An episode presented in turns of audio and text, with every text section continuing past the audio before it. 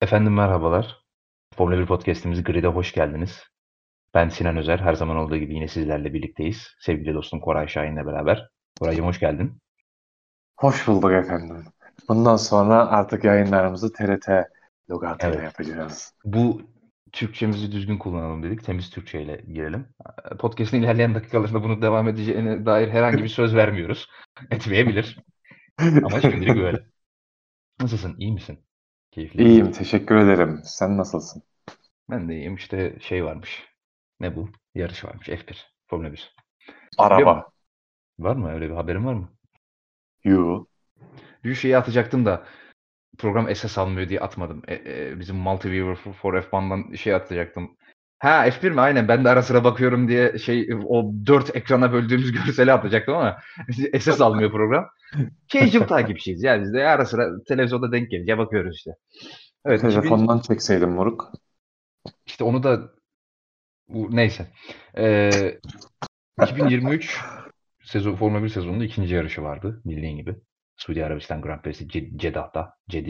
Cidde'de. Evet, Türkçesini unuttum. Cidde. Değil mi? Cidde değil mi? Evet. Cidde. Cidde'de. Ee, enteresan bir yarış oldu. Zevkli desen değil. Ama işte bir, bir şeyler oldu. Şimdi konuşuyoruz o, olanları. Ufaktan hafta sonuna giriş yapalım istersen. Antrenmanları geçiyorum. Çok hiçbir şey olmadı neredeyse antrenmanlarda. Sadece şu var. E, hafta sonuna girerken söylenmesi gereken, belirtilmesi gereken hani olay.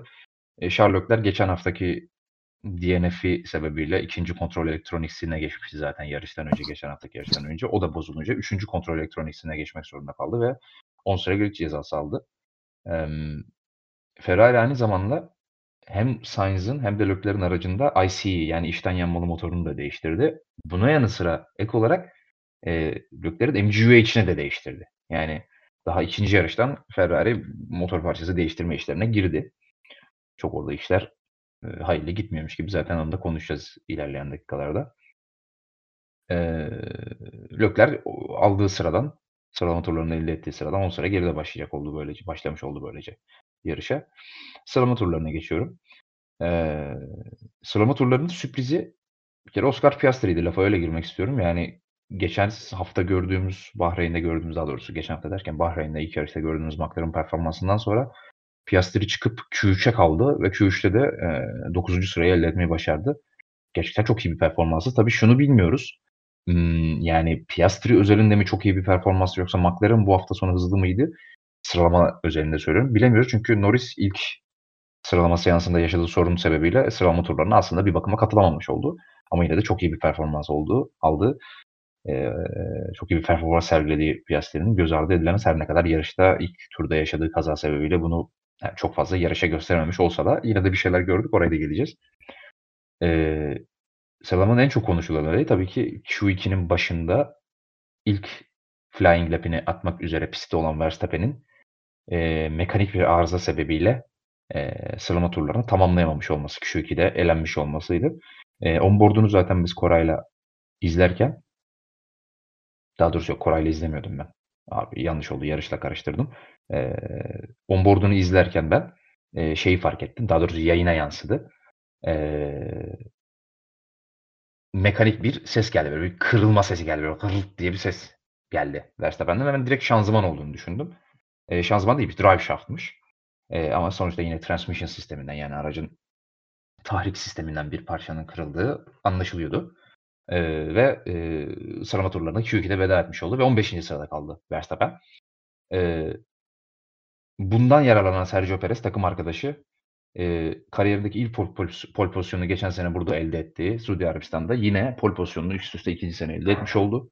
E, onun arkasında e, ceza alıp 10 sıra geriye düşecek olan Sherlockler vardı. Ferrari'de ikinci sırada yer aldı. Onun arkasında üçüncü sırada Fernando Alonso vardı. E, dördüncü sırada Q3'ü tek turla geçen ama çok iyi bir tur atan e, George Russell vardı.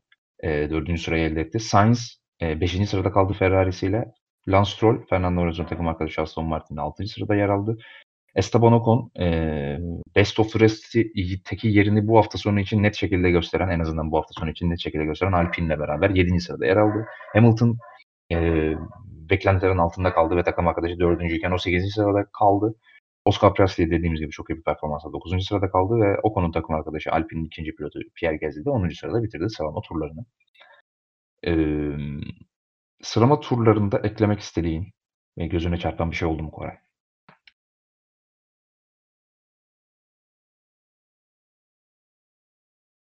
Yani şöyle, ya sıralama turunu biz geçen hafta Bahreyn'de gördükten sonra işte sıralama turlarında çok fazla fark olmadığını görmüştük aslında yarışa oranla. Ee, burada onun için ben aslında biraz daha yakın bir sıralama turu beklemişim ama çok da öyle e, olmadı. Yani Red Bull ya sıralama turlarında da en azından bu yarış özelinde yani çok daha hızlı bir konuma gelebileceğini belki ayarlardan dolayı da bir e, yakınlık vesaire durumu ol, olmuş olabilir ama e, avantajlarını göz önüne aldığım, aldığımızda Red Bull'un geçen hafta göre biraz daha farkın açıldığını gördük. Bu e, sezonun geri kalanı için çok iyi bir gösterge olmadı e, bu yarış özelinde en azından. Çünkü ya, geçen hafta da söylemiştik bunu. Burası lastiklere Bahreyn kadar yük bindiren bir pist değil ve ya, en azından tur atma e, biraz daha yani, temiz tur çıkarma biraz daha rahat özellikle lastikler üzerinde. Çünkü hatta sıralama turlarında özellikle ilk Q1 ve Q2'de şunu gördük. Takımlar üst üste turlar atmayı tercih etti genelde Red Bull'lar hariç. Yani, lastiklere zaten bu kadar yük bindirmeyen pist olmasına rağmen ve diğer takım Red Bull'ların bu kadar gerisinde kalmış olması sezonun geri sakin kalması... Ol, sakin ol Luffy, sakin ol yavrum. Baba bir şey anlatıyor. O da seviyor F1'i. Doğrusu, doğru söylüyorsun diyor. Ya Red Bull şampiyon Hmm. diyor. Hmm. Ya genel olarak söyleyeceğim hani sıralama üzerinde biraz daha farkların açıldığını gördük. Hani bura üzerinde ve ta- diğer, diğer takımların üstte tur attığını düşünürsek ya bu çok iyi bir gösterge değildi sezonun için. Teşekkür ediyorum. Ee, yarışa geçiyorum müsaadenle. Ee, tabii ki yarış e, yarışta arka sıralardan yükler, yükselmesini beklediğimiz iki tane pilot vardı. Charles Leclerc 12. sırada kalkan Charles Leclerc ve e, 15. sıradan kalkan yarışa başlayan e, Max Verstappen vardı. Ön tarafta da yine e, Nail yazmıştı galiba. Hani tüm dünyanın beklediği gibi oldu gibi bir şey yazmıştı. Hani her, herhalde az çok Formula 1 takip eden herkes hem Perez'in çok böyle aman aman iyi bir start pilotu, start alan bir pilot olmaması sebebiyle hatta biraz ortalamanın da altında start performansı olan bir pilot olması sebebiyle ve işte Alonso'nun da tam tersi start canavarı bir pilot olması sebebiyle Alonso'nun liderliği alabileceğini düşünüyorduk ve öyle oldu. Alonso startla liderliği aldı Perez'den. Ee, onun dışında ilk startta ve ilk e, turda çok aslında aman aman bir şey olmadı. Sadece az önce de bahsettiğim gibi Piastri arkada bir kazaya karıştı ve ön kanadının kırılması sebebiyle ilk turdan pite girmek ve e, hard lastiği takmak zorunda kaldı ki yarışı da o hard lastikle bitirdi bu arada. Ee, tabii yarış, yarış başladıktan sonra Alonso e, Perez'in temposuna direnebilecek mi diye bir bekledik. Hani ilk tur için söylüyorum. Tabii ki o farkı çok fazla açamadı Red Bull'un da performansı göz önüne alındığında. Şöyle bir durum oldu. Bu konuda biraz konuşmak istiyorum. Çünkü ya, şimdiden şunu uyararak söyleyeyim. Kesinlikle Alonso'nun başına geldiği için değil ama bu konuda bir em, tıpkı ikinci ceza meselesinde olduğu gibi ki onu uzun uzun konuşacağız. Bir em, dengesizlik, kuralların uygulanmasında bir keyfilik görüyorum. Hani bilmiyorum yani bir standart yok gibi. Şu, şu bahsettiğim şey Alonso hemen start alındıktan çok kısa bir süre sonra inceleme altına alındı. Startta yanlış yerde durmaktan dolayı. E, aracın tekrarda da görüldü ki araç olması gerekenden daha solda duruyor. Tam kutuya oturtamamış aracı. Yani aslında buradan herhangi bir avantaj da elde edilmedi. Daha önde vesaire durmadı. Hatta biraz daha arkada durmuş diğer pilotlara nazaran ama e, tabii ki box'a oturamadığı için bir ceza almış oldu. Daha sonra yanlış hatırlamıyorsam Albert Fabriga e, paylaştı. E, yani mesela geçen hafta Ocon ceza aldı. Ocon'dan daha uçta duran pilotlar da var mesela. Çok net fotoğrafta görünüyor. Şimdi burada da Alonso kadar en az uçta duran, box'a tam oturmamış yine pilotlar var. Bu box'a oturmama konusundaki e, cezalarda bir yani nasıl diyeyim? Tabii kesinlikle kasıtlı bir şey olduğunu iddia etmiyorum. Yanlış anlaşılmasın. Yani Alonso olduğu için yapılıyor. İşte Red Bull yapılmazdı, Mercedes yapılmazdı, Ferrari yapılmazdı gibi bir şey söylemiyorum. Yanlış anlaşılmasın. Bir, bir yani e, inconsistency var. Hani bir dengesizlik var. Bir e, hani bir, bir hakemin bir yarış hakeminin bir hafta sonu uyguladığını öbür yarış hakemi uygulamıyormuş gibi bir durum gördüm. E, Mao'cu komünistler ele geçirmiş gibi. E, evet. E, şimdi oradan bir 5 saniye ceza aldı Alonso. Şimdi bu sadece bu 5 saniyeyle kalmadı tabii. Onun sonra yarış sonrasında çok fazla etkisi oldu. E, oraya da geleceğiz ama e, bunu bir not olarak belirtelim. Hemen de inceleme bitti zaten ve işte 5 saniye süre cezası e, verileceği söylendi Alonso'ya. Yani pitte, pite girdiğinde çekmesi üzerine. E, Alonso 3. tura kadar dayanabildi Perez'in önünde. Ve e, 3. turda DRS'nin açılmasıyla beraber zaten Red Bull bütün hafta sonu boyunca her iki pilotuyla beraber düzlükte en hızlı takımda ve DRS'nin açılmasıyla beraber zaten düzlüklerde en hızlı takımlardan biri olmayan Aston Martin'i çok rahat bir şekilde geçti. E, Perez Alonso'yu. Alonso çok da fazla direnmedi açık söylemek gerekirse.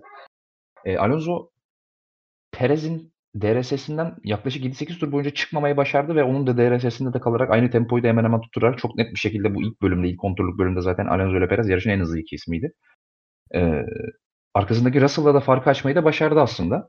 Ve e, 17. turda pite girene kadar da arkasındaki Russell'la farkı 8 saniye kadar da çıkarmıştı e, Alonso. Bu konuda da onu tebrik etmek gerek. Aslında ilk stinteki temposu iyiydi. Ta ki işte 11. turda biraz lastik koruması da gerektiği söylendikten sonra e, Alonso'ya radyodan biraz daha tempoyu düşürdü. Perez de tempoyu da tam tersine arttırdıktan sonra o DRS'sinden çıktı ve her tur yaklaşık bir yarım saniye 0.6 saniye yemeye başladı e, Perez'den. Ama yine de arkasındaki Russell'la fark ufak ufak da olmalı, olsa açmayı başarıyordu. Tabii yine arka tarafta yükselmesini beklediğimiz isimler Leclerc'le Verstappen ufak ufak yükselmeye başlıyordu. Ama burada şunu çok net bir şekilde gördük. Koray'la beraber onboardları izlerken. E, Leclerc'in temposu daha doğrusu genel olarak Ferrari'nin temposu e, ne işte Hamilton demeyeyim Hamilton hard lastiklerleydi ama ne işte medium takan Russell kadar ne zaten Alonso kadar hiç değil ne de işte Red Bull'lar kadar kesinlikle iyi değildi ve o ön gruptaki 3 takımın en yavaşı medium lastiklerle de ufak da olsa Ferrari'ydi ki hard lastiklerle bu fark daha da açılacak zaten oraya da geleceğiz. E ama ufak ufak da olsa yer kazanmaya başlamıştı ilk bir tur, birkaç tur geçirdikten sonra e, yarışta Leclerc tarafından. İşte Hamilton'ı geçti. Zaten Hamilton hard lastiklerleydi. Leclerc'de soft vardı. E, öyle de bir farklılık vardı yani diğer pilotlara nazaran. Leclerc medium değil softla başlamıştı. Önce Hamilton'ı geçti. Daha sonra Gezdi'yi geçti vesaire ve tek tek yer kazandı. Daha sonrasında arkasında Verstappen de turlarıyla dedikçe tempoyu daha da arttırdı ve hatta işte ufak bir boşluk yakalayınca en hızlı turunu bile attı yarışın. O trafikten en ufak kurtulduğunda. Daha sonra Leclerc'i de zorlamaya başlayacaktı ki he, o da arkasına gelmişti çünkü Hamilton'a geçerek. Tam Leclerc Verstappen arka arkaya gelmişti ki 17. 17. turda bir anda Stroll'e e, aracı durdurması gerektiği, pistte güvenli bir yer bulup aracı durdurması gerektiği söylendi. E, bir cebe girdi. Aslında yani Time'da bir sürü insan yazdı. Ben de hiç anlayamadım. Aynı fikirdeydim. Hani niye SC çıktı ama bence SC çıkmaması gereken bir yerde aracı bırakmıştı. Ama SC çıktı. Bence Virtual Safety Car'la çok rahat bir şekilde geçirebilirdi ama Safety Car çıkarmayı tercih ettiler. Bilmiyorum. Ee, bu safety car arkasında tabii daha önceki tur pite giren iki Ferrari çok ciddi zarar görmüş oldu. Çünkü öndeki Perez, Alonso, Russell, Verstappen ve Hamilton grubu pite girmemişti ve safety car arkasında piti pitlerini gerçekleştirmiş oldular. Burada yine bir enteresan bir radyo konuşması ekranlara yansıdı.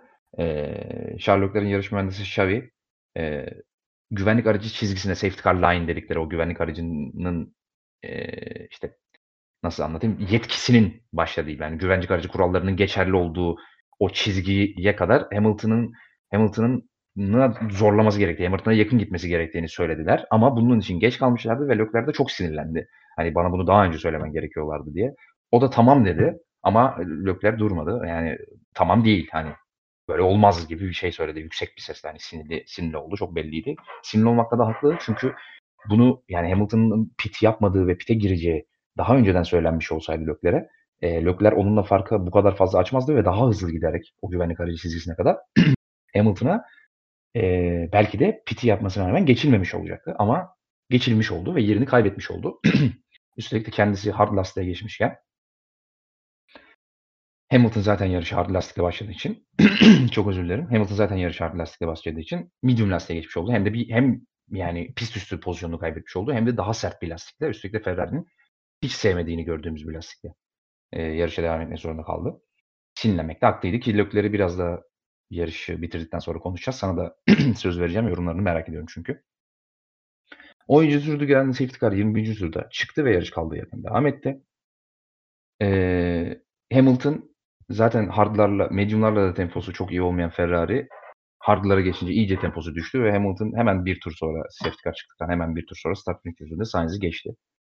Ee, Yine ondan bir tur sonra Verstappen Red Bull'un resmen gövde gösterisi, Red Bull aracında gövde gösterisini yaparak Russell'ı geçti ve 3. sıraya çıktı. Ondan hemen iki tur sonra da Alonso'ya geçip ikinciliğe yükseldi. Ne Russell ne Alonso e, hiçbir şekilde direnmediler Verstappen'e. Bunun, bunun, bunun bir anlamı olmadığını gösterdiler ve e, ben F1 TV'den International yayını yani Sky'ın e, Sky Sports'un e, spikerlerinden yayını dinlerken şöyle bir şey söyledi James Allen. David Croft özür dilerim. E, hep eski spiker gibi kafam. David Croft şöyle bir şey söyledi. Sanki F2, F1, F1 aracı F2 aracına geçiyormuş gibi bir görüntü oldu dedi. Alonso, Rus, e, özür dilerim Verstappen Russell geçerken. E, yani dramatik bir cümleydi hakikaten. Yani durumun vahametini göstermek için bence önemli bir cümleydi. E, daha sonra tabii takım arkadaşı e, Perez'le 5.7 saniye fark vardı Verstappen Alonso'yu geçtiğinde. Hemen çok zorlamaya başladı ama o sırada zaten Perez de ardı ardına lapler atıyordu ve temposu çok iyiydi. Sadece bir ara işte 4.5 saniyelere kadar düşürmeyi başarsa da Verstappen çok da fazla düşüremedi ki işte 25. turda Alonso'yu geçtiğinde 5.7 saniye olan fark 38. tura geldiğinde sadece 4.6 saniye inmişti. Yani 13 turda sadece 1.1 saniyelik bir fark kapatabilmişti Verstappen. Çok da fazla yaklaşacakmış gibi görünmüyordu yarışın sadece bitmesine 12 tur kaldığında. O 8. turda şöyle, şöyle bir şey yaşandı. Verstappen araçta garip sesler duyduğunu, bir problem olduğunu ve takımın bunu kontrol etmesini istediğini söyledi radyodan. Takım durumu kontrol ettiklerini söyledi. Bir problem göremediklerini söyledi ama Verstappen ısrarla hayır bir problem var hala sesi duyuyorum dedi. Takım da ona yine sanki drive shaft'ta bir problem varmış gibi görünüyor dedi. Temponu 33.0'a düşür dedi. Verstappen bunu, Verstappen bunu yapmadı. Daha sonra 32.6'ya düşür dediler. Verstappen onu da yapmadı. 32.2'lerde, 3'lerde, 4, 4'lerde dönmeye devam etti. Her ne kadar 1, 2 tur, 3 tur kadar o ilk problem olduktan sonra 33'lere düşse de temposu. Daha sonra tekrar zorlamaya devam etti. Şöyle enteresan bir olay yaşandı. Tam Verstappen'in bir sorun var dedik, dediği turdan yaklaşık bir tur, bir, bir buçuk tur sonra Perez de radyosundan dedi ki fren pedalında bir uzama görüyor. Fren pedalındaki frene basma mesafesi yani uzadı dedi. Yani bunun anlamı şu, meali şu e, frenlerinde aşıma var e, demek istedi aslında. Ona da tıpkı Verstappen'in söyledikleri gibi turunu 1.32.6'ya sabitlemesi söylendi. Ve şöyle enteresan bir gelişme yaşandı. Verstappen dedi ki Max'e de aynı şeyi söylediniz mi dedi. Evet söyledik dediler. Peki Max'in son turu kaç dedi. Onlar da 1.32.2 dedi. O zaman bana dedi neden? O zaman Perez dedi ki bana neden 1.32.6 atmamı söylüyorsunuz dediler. Ee, cevap ekranlara yansımadı. Ben de duymadım. Onboard'u açık değildi. Yalan, ne yalan söyleyeyim. Ee, yani hani hani açık söylemek gerekirse Perez adam mı sikiyorsunuz'a getirdi. Tamer atmış bu tweet'i. Tamer'den aldı. Bunlar çok güldü bakara. Hani adam mı sikiyorsunuz'a getirdi resmen lafı. Ee, daha sonra e, ikisi de neredeyse tam gaz tempoyla 1.32'lerle dönmeye devam ettiler. E, Verstappen Perez'e yaklaşamadı. Ve Perez yarışı kazanmayı başardı. Verstappen son 3 tura girerken farkı 6 saniyeye kadar da açtırdı Perez'de. Çünkü biraz daha yavaşladı. Belli ki son turda bir e, en hızlı tur denemesi yapacaktı. O en hızlı turda aldı. 1.31.9 attı yarışın son turunda. Ve Perez'in elinde olan en hızlı turu alıp hem ona bir puan kaybetmiş oldu hem de kendisi bir şampiyonluk şampiyona puanı daha ekstradan almış oldu ve şampiyonadaki liderliği de Perez'e kaptırmamış oldu. Tabii ki Perez bundan da memnun değildi. Yani bana yarışmamamı, basmamamı söylüyorsunuz ama aynısını söylediğini, aynı talimatı verdiğini verdiğinizi söylediğiniz takım arkadaşım en hızlı turu attı dedi ve haklıydı tabii ki yani aslında. Yani haklı derken şöyle. E, ya kişiden kişiye değişir tabii ki. Şimdi Verstappen'ciler haklı olduğunu söylediğimde katılmayacaklardır ama bir yönetimsizlik olduğu belli. En azından bu okazyon için söylüyorum. Yönetimsizlik olduğu belli yani. Verstappen'e lafını zaten dinletemediğini biliyoruz Red Bull'un. Burada da dinletemedi. Yorumlarımıza geçeceğiz. Ee, yine başka bir enteresan olay.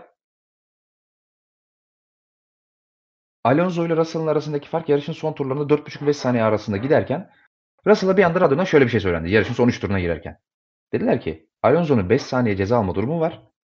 O yüzden tempoyu yükselt. Alonso'nun 5 saniye içinde kal. Aynı şeyi Alonso'ya da söylediler. İkisi de tempolarını arttırdı ve Alonso son turunda 1.32.2'lik çok iyi bir tur attı. Ve 5.1 saniye ile Russell'ın önünde bir çizgi geçmeyi başardı. Podyuma çıkmış oldu.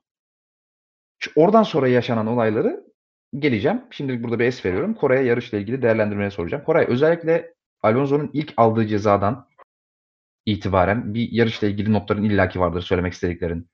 Ferrari'lerin temposu, işte Alonso'nun cezası, Verstappen Perez olayı vesaire. İşte Stroll'e çıkan, Stroll'ün olayıyla ilgili çıkan safety car. Genel bir yarışla ilgili düşüncelerini almak istiyorum bu noktada.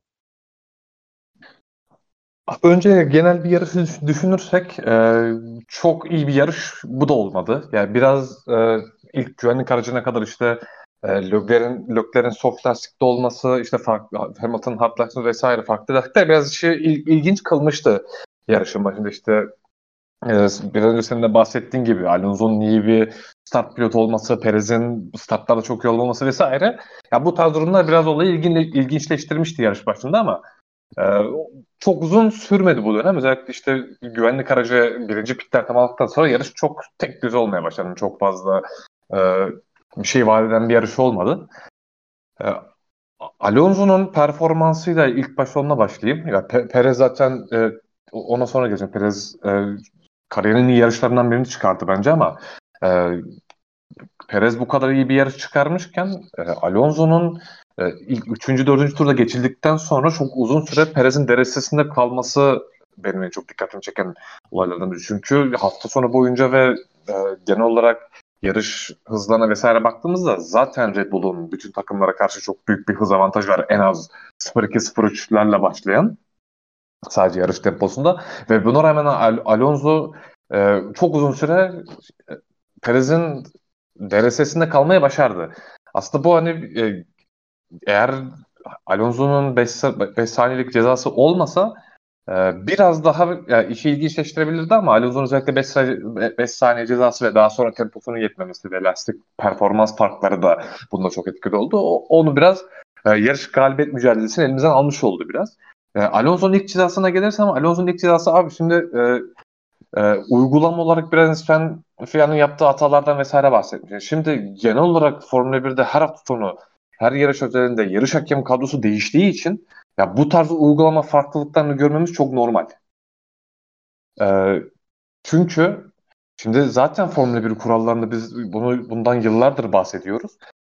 Bütün kurallar neredeyse bazı çok net kurallar dışında çoğu yorumlanabilir kural konumunda.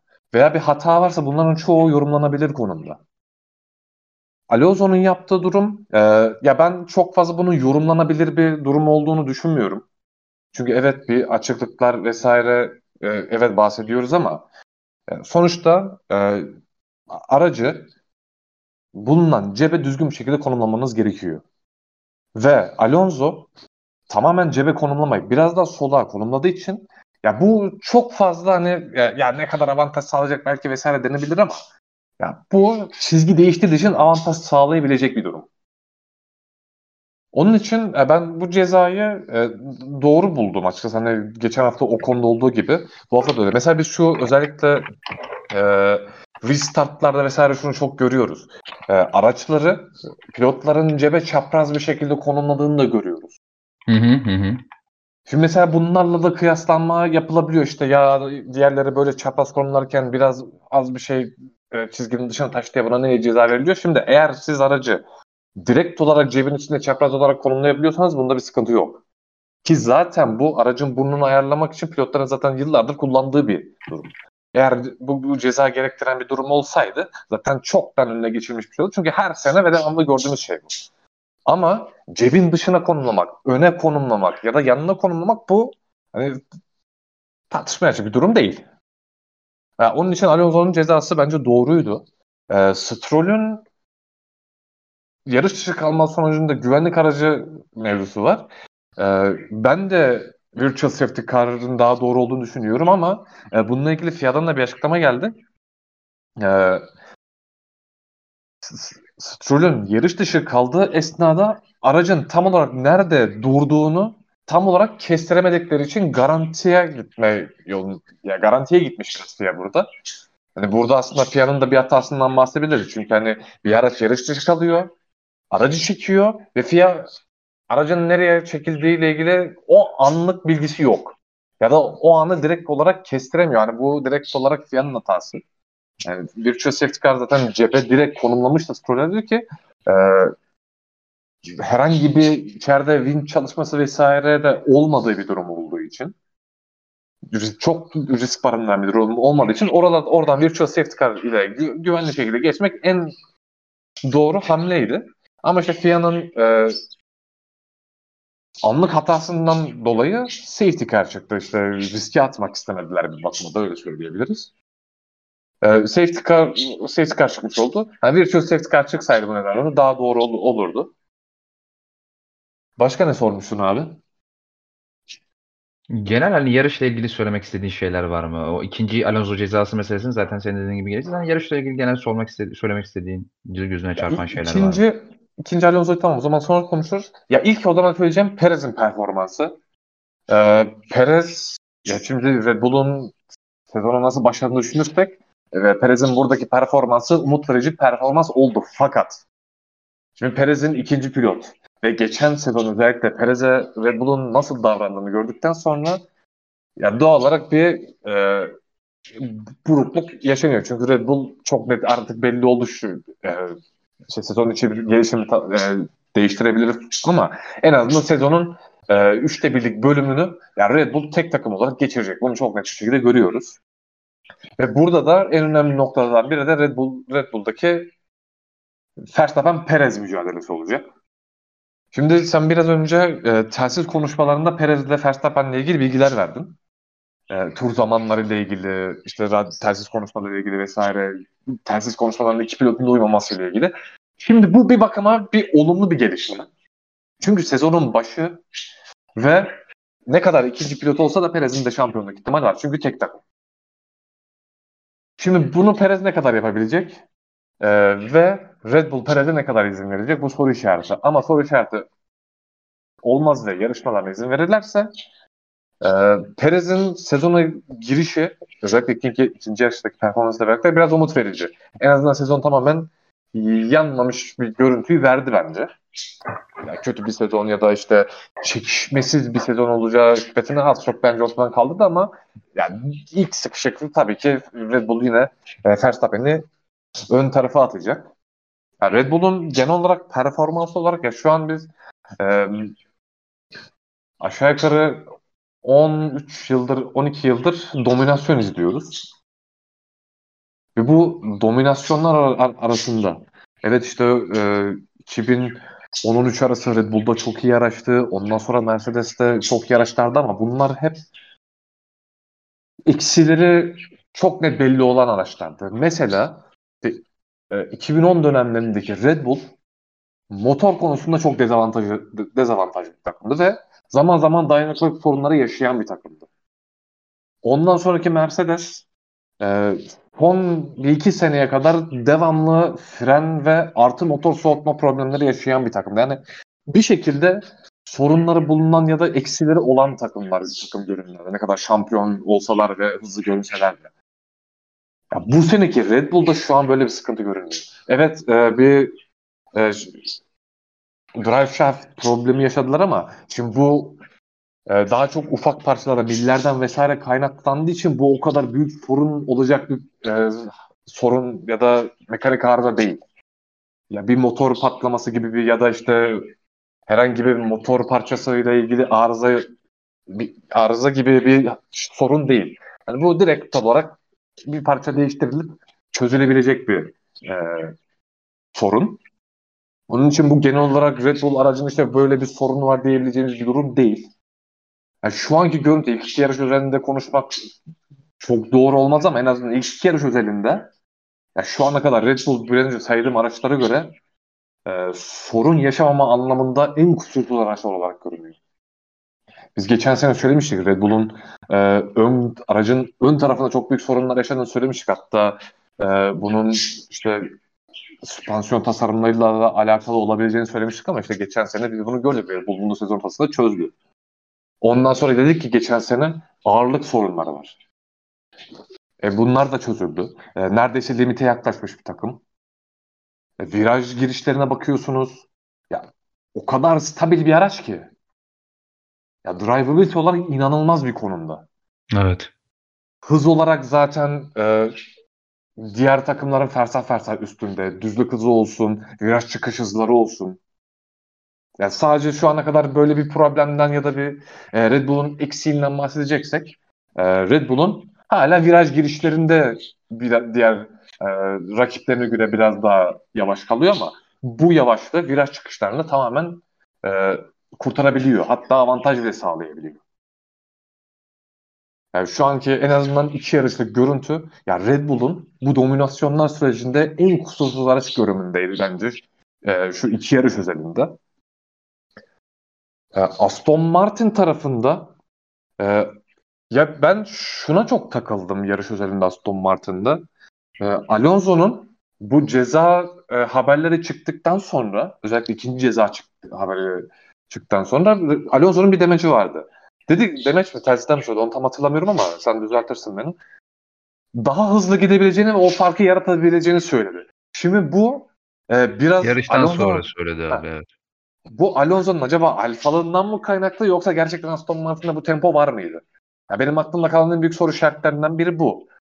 Eğer ya muhtemelen ikisinin ikisinin de biraz geç şeyi var Alonso'nun bu demecinde. Hem aracı güven var hem kendi özgüveni aynı zamanda.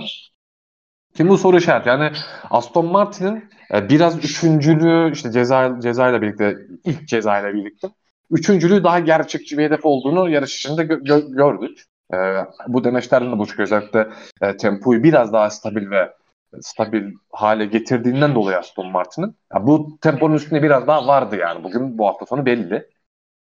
E, bu biraz işareti çünkü yarış temposunda aşağı yukarı e, sıfır, ya ortalama 0 civarı bir fark vardı Perez'le Alonso arası DRS bölümünden koptuktan sonra. Eğer e, yani bu tabii şey için de söyleyebiliriz bunu. Red Bull için de söyleyebiliriz. Çünkü ya tamamen yarışı %100 tempoda tabii ki takımlar geçirmiyor ama ha, bu bende bir soru işareti olarak kaldı. Acaba Aston Martin yarış temposu Red Bull'a biraz daha yakın olabilir mi konusunda? Yani sen zaten geçen hafta Aston Martin'le ilgili şey söylemiştin. Çok büyük bir özellikle taban bölümünde çok büyük bir gelişim alanı var Aston Martin'in. Evet. Ve aynı zamanda bu bahsettiğim gibi biraz daha e, safe bir yarış çıkarmayı tercih ettiyse Aston Martin ya hız olarak bu hafta sonu bence Aston Martin soru işareti olarak kaldı. Çünkü bunun üstünde daha fazla hız olabilir Aston Martin'in. E, Ferrari tarafında e, geçen hafta zaten e, Ferrari'yi bir araya gireyim çok özür dilerim. Ferrari'yi genel olarak bir ayrı konuşacağız. O yüzden Ferrari'yi şimdilik genel değerlendirme yapmamanı rica ediyorum. Çünkü ayrıca soracağım sana. Tamamdır abi. Yani, ya Mercedes'in de ya Mercedes geçen hafta e, çok fazla e, sorun yaşandığı işte konseptlerle ilgili çok konuştuk. İşte e, aracın lastikleri iyi davranmadığı genel olarak aynı zamanda hız eksikliğinden vesaire bahsetmiştik Mercedes'le ilgili. Yalnız Mercedes'te ben şunu ekleyeceğim. Bu hafta sonu bence e, geçen haftaya göre biraz daha iyi performans gösterdi Mercedes.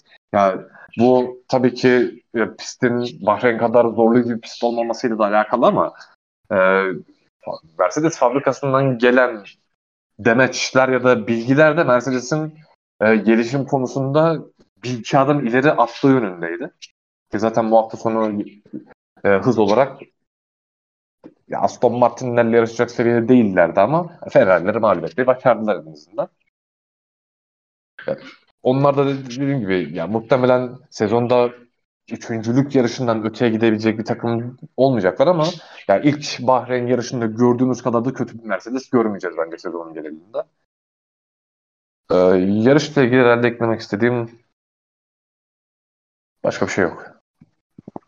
Ee, teşekkür ediyorum. Birkaç tane senin söylediğin şeye ek olarak hem kendi yorumlarımı yapacağım hem de onlara ek bir şey birkaç şey söyleyeyim. Ee, öncelikle birkaç rakam vermek istiyorum. Ee, race pace'lerinden bahsettin.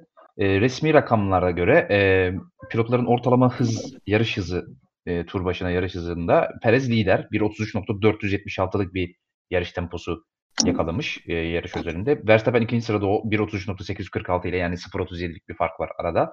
Alonso Verstappen'in arkasında 1.34.0 yakalamış. Russell 1.34.2 yakalamış ortalama olarak. Sainz 34.5, Hamilton 34.6, Leclerc 34.6. Daha sonra da Alpinler geliyor ve o şekilde devam ediyor. Ee, tabii şimdi şu, sen de altını çizdin şunu belirtmekte bir fayda var. Bir kere Red Bull'lar normal şartlar mesela Bahreyn'de olduğundan çok daha fazla zorladılar. Özellikle ikinci stintte. Çünkü aralarında bir liderlik mücadelesi vardı ve o özellikle e, safety car çıkıp e, safety car e, içeri girip tekrar yarış başladıktan ve Verstappen de Alonso'yu ve Russell'ı geçip ikinci sıraya yükseldikten sonra herkesten bir, bir buçuk saniye daha hızlı tur attılar. Yani çünkü diğerlerinin aksine e, lastikleri korumak, yarış sonuna kadar saklamak gibi bir dertleri yoktu. Ve bam bam bam bam sürdüler yani. E, tabii bu da bir ciddi bir fark yarat- yaratılmasına sebep oldu diğer e, yarışlara nazaran bir ortada bir galibiyet mücadelesi vardı. E, tabii ben şöyle bir tweet attım. Hafta sonunun başlarken veya cumartesi günü zaten söylemiştim. Hani sen de söyledin Red Bull öyle bir araç ki. Yani bir araç ben hiç Formula 1 tarihinde şöyle bir araç hatırlamıyorum. Ee, hem aerodinamik olarak en hız en iyi durumda, hem mekanik yol tutuş olarak en iyi durumda, hem motordan en iyi verimi, hem horsepower olarak hem drivability olarak en üst şekilde alıyor. Hem e, lastikleri en hızlı ısıtan takım. Hard'larda çok net gördük bunu bugün. Hem hadi Aston Martin'le beraber en iyi koruyan takım diyeyim.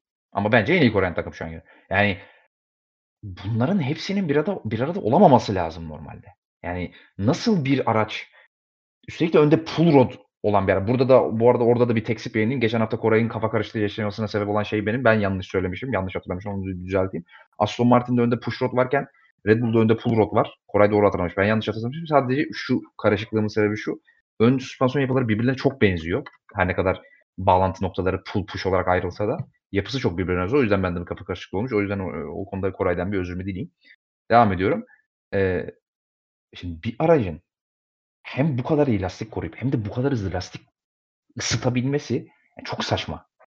Çok saçma yani. Ve işte sen de bahsettin. Ya onboard'dan sürekli izledik hani. E, ben tekrar F, F1 TV'den açıp da onboard'larına tekrar sıralama içinde baktım şeyin. E, Verstappen'in ve Perez'in. Abi bu kadar dengeli bir araç. Bu kadar hızlı lastik ısıtabiliyor. Bu kadar iyi performans alabiliyor lastiklerden uzun süre boyunca. Dayandırıyor. Degradation çok geç yaşıyor. Hani anlamıyorum nasıl oluyor. Tebrik etmek gerek. Hani çok acayip bir araç hakikaten. E, Hamilton da bu konuda bazı düşünceleri var. Ona da az, biraz sonra geleceğim. Çok katılmadığım şöyle şeyler söylemiş ama Red Bull'un aracın çok iyi oldu kesin. Aston Martin'in işte Alonso'nun demeci onu da hemen e, senin de söylediğin şekliyle eklemeyi yapayım. Yarıştan sonra dedi ki e, 10 saniye ceza geldikten sonra bana 5 saniye ceza gelebileceği söylendi dedi. Eğer 10 saniye ceza geleceğini bilseydim 10 saniyeye çıkartırdım dedi ama bu biraz hani biraz şovu işin çünkü sadece son 4 turda söylendi Alonso'ya 5 saniye ceza gelebileceğiz.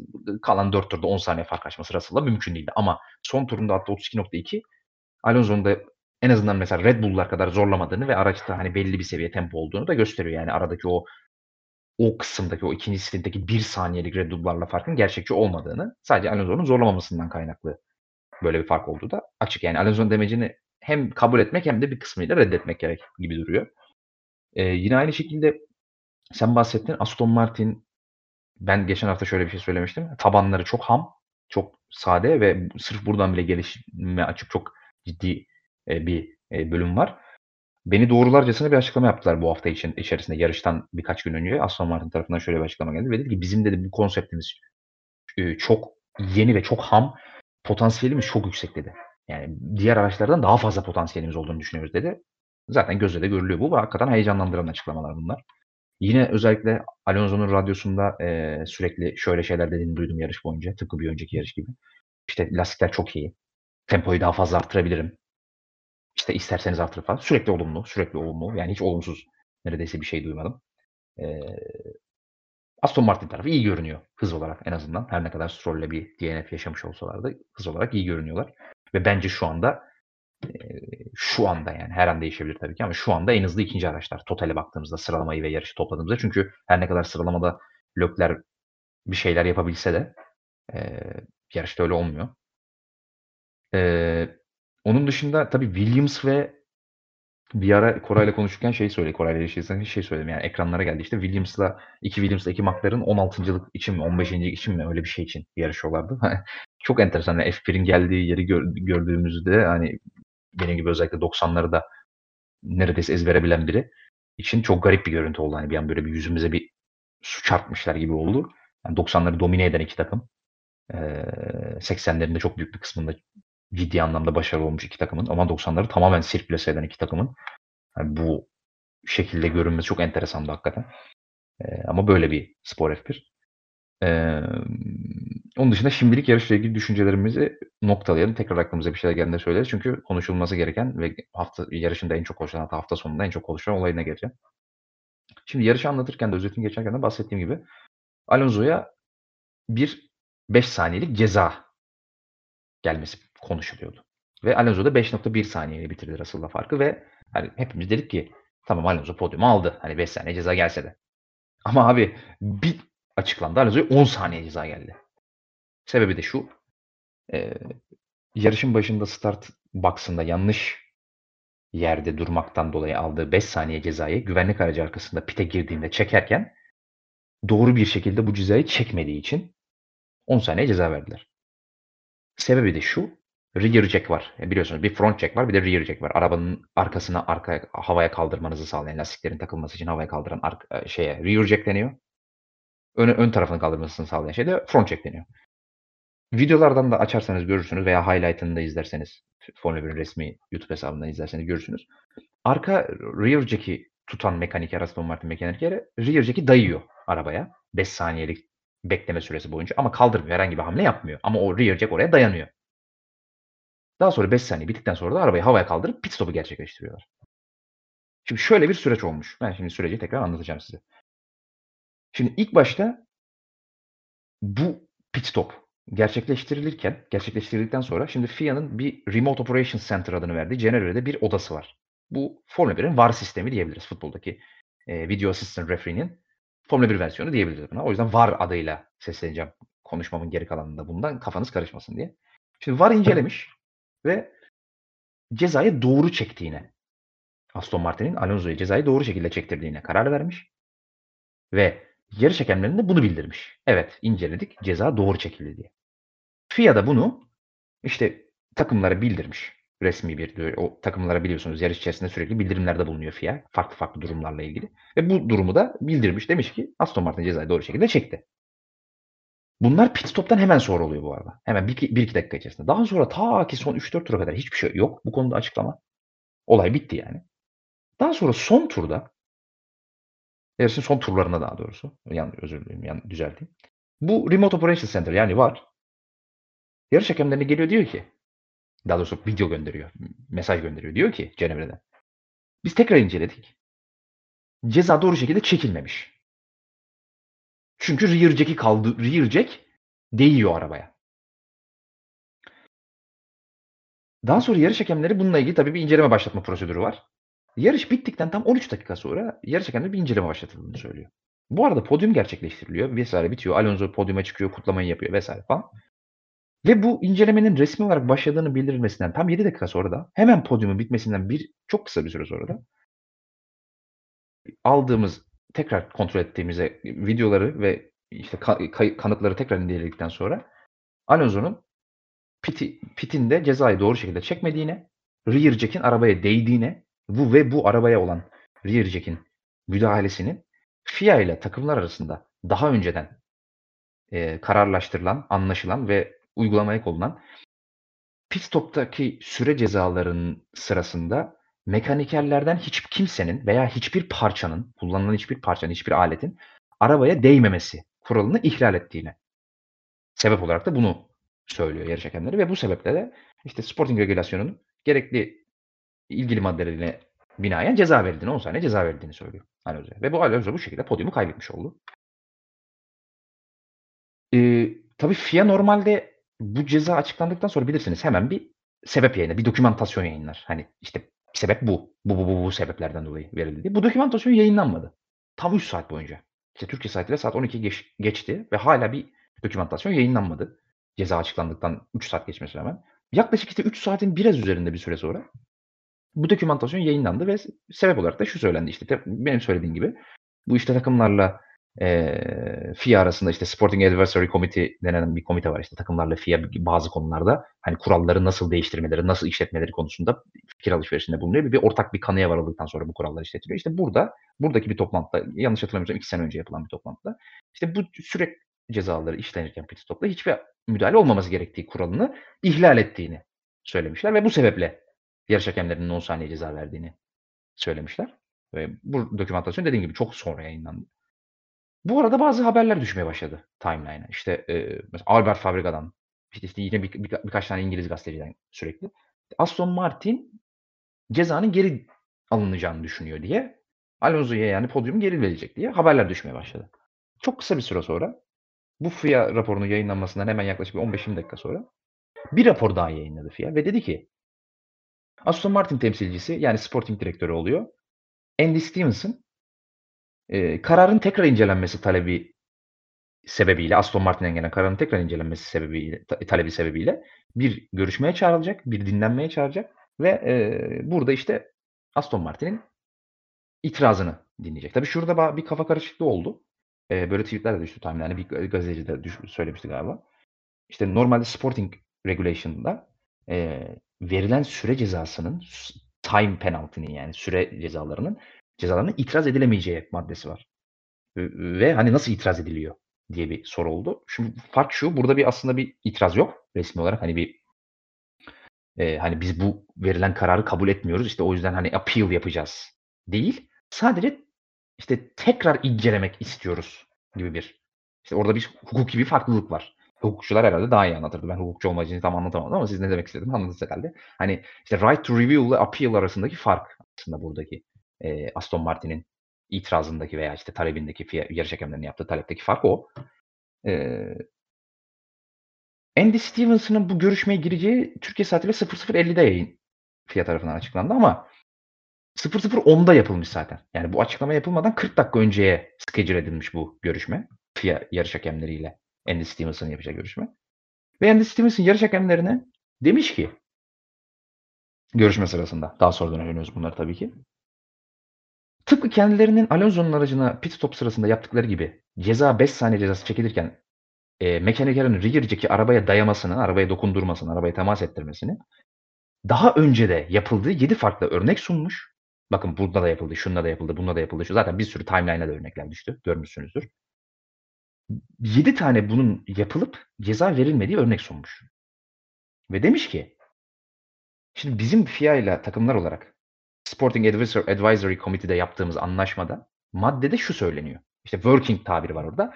Bu cezanın çekilme sırasında araç aracın üzerinde herhangi bir çalışma yapılamaz. Yani working ibaresi kullanılmış orada ve e Andy Stevenson'a demiş ki arabayı yani arabaya rear jack'i dayamak eee, arabanın üzerinde çalışma yapmak anlamına gelmiyor. Aha da bunlar da örnekleri. 7 tane örnek sunmuş. Yarış hakemleri de demiş ki yaptıkları kendi açıklamayı okuyorum şu anda.